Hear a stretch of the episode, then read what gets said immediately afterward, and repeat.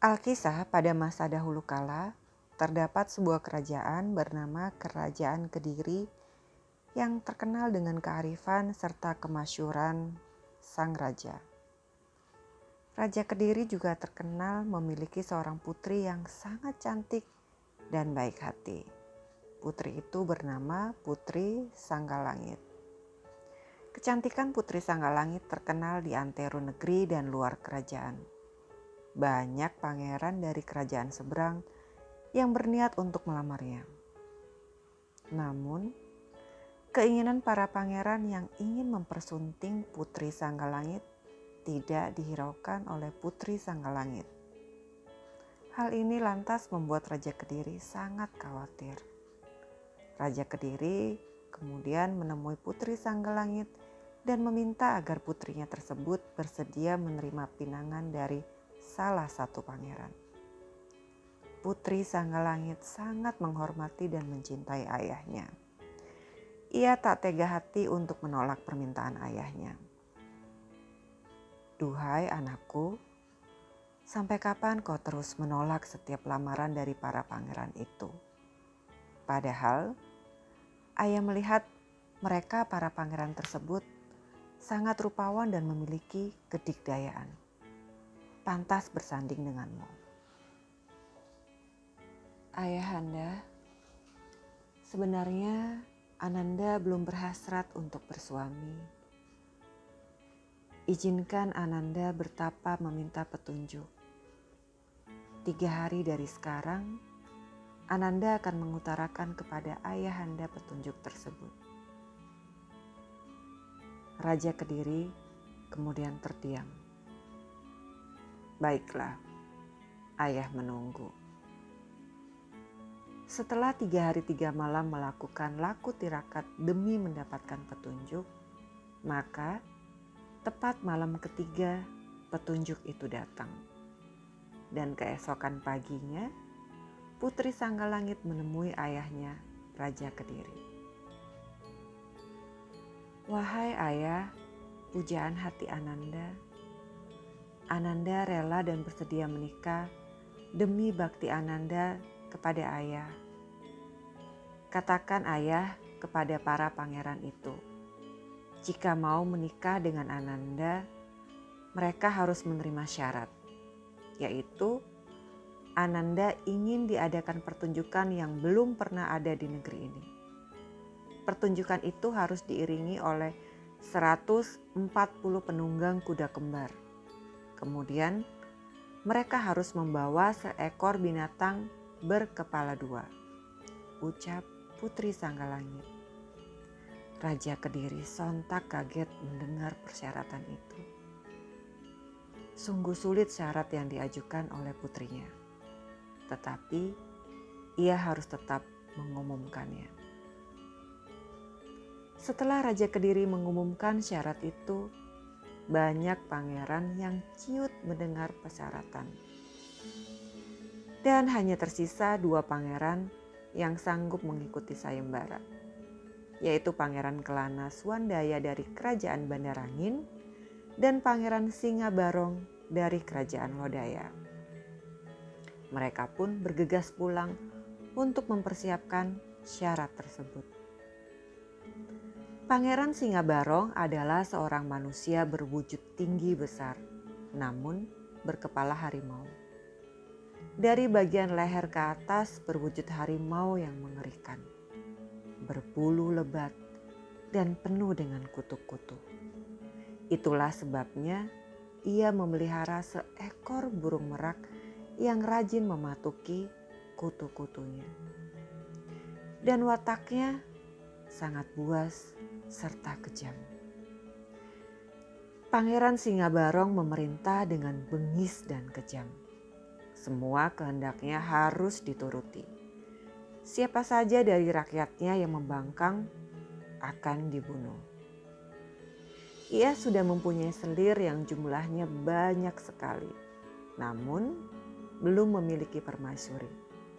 Menurutnya, Sampai detik ini belum ada wanita yang pantas menjadi permaisurinya, kecuali tentunya Putri Sanggalangit dari Kediri. Oleh karena itu, ia sangat berharap dapat memenuhi syarat yang diajukan oleh Putri Sanggalangit. Pada suatu hari Pangeran Singa Barong memerintahkan kepada para abdinya untuk mencarikan kuda-kuda kembar. Ia mengerahkan para seniman terbaik dan seniwati terbaik untuk menciptakan tontonan yang menarik. Kemudian ia memerintahkan para punggawanya untuk mencari seekor binatang berkepala dua. Namun, pekerjaan itu ternyata tidak mudah kuda kembar sudah dapat dikumpulkan. Namun tontonan dengan kreasi baru belum tercipta. Demikian pula binatang berkepala dua belum didapatkannya. Maka pada suatu hari ia memanggil patihnya yang bernama Iderkala. Patih, Coba kamu selidiki sampai sejauh mana si Kelana Swandana mempersiapkan permintaan Putri Sanggalangit. Kita jangan sampai kalah cepat oleh Kelana Swandana. Pati Iderkala dengan beberapa prajurit pilihan segera berangkat menuju kerajaan Bandar Angin dengan menyamar sebagai seorang pedagang mereka menyelidiki berbagai upaya yang dilakukan oleh Pangeran Kelana Swandana. Setelah melakukan penyelidikan dengan seksama selama lima hari, akhirnya mereka kembali ke Lodaya dan melaporkan kepada Pangeran Singa Barong untuk kemudian menyusun strategi. Berbeda dengan Pangeran Singa Barong, Pangeran Kelana Swandaya adalah seorang pangeran yang berparas tampan, dan berpostur gagah. Di kerajaan Bandarangin, Pangeran Kelana Swandaya tengah mempersiapkan segala sesuatu yang dipersyaratkan oleh Putri Sanggalangit. Tapi ada satu hal yang belum ia miliki dan mengusik pikirannya, yaitu binatang berkepala dua. Dia hanya memiliki seekor merak yang sangat indah. Buluhnya beraneka warna. Pangeran Kelana berharap Putri Sanggalangit menyukai merak miliknya. Lalu diputuskan hari apa rombongan Pangeran Kelana berangkat menuju kerajaan Kediri. Namun, di tengah perjalanan rombongan Pangeran Kelana dihadang oleh seekor singa yang ganas. Sebenarnya, singa itu adalah jelmaan Pangeran Singa Barong. Ia berusaha merebut apa yang disiapkan oleh Pangeran Kelana. Pangeran Singa Barong sungguh licik. Akhirnya terjadi pertempuran yang sangat sengit dan beberapa prajurit menjadi korban keganasan singa itu.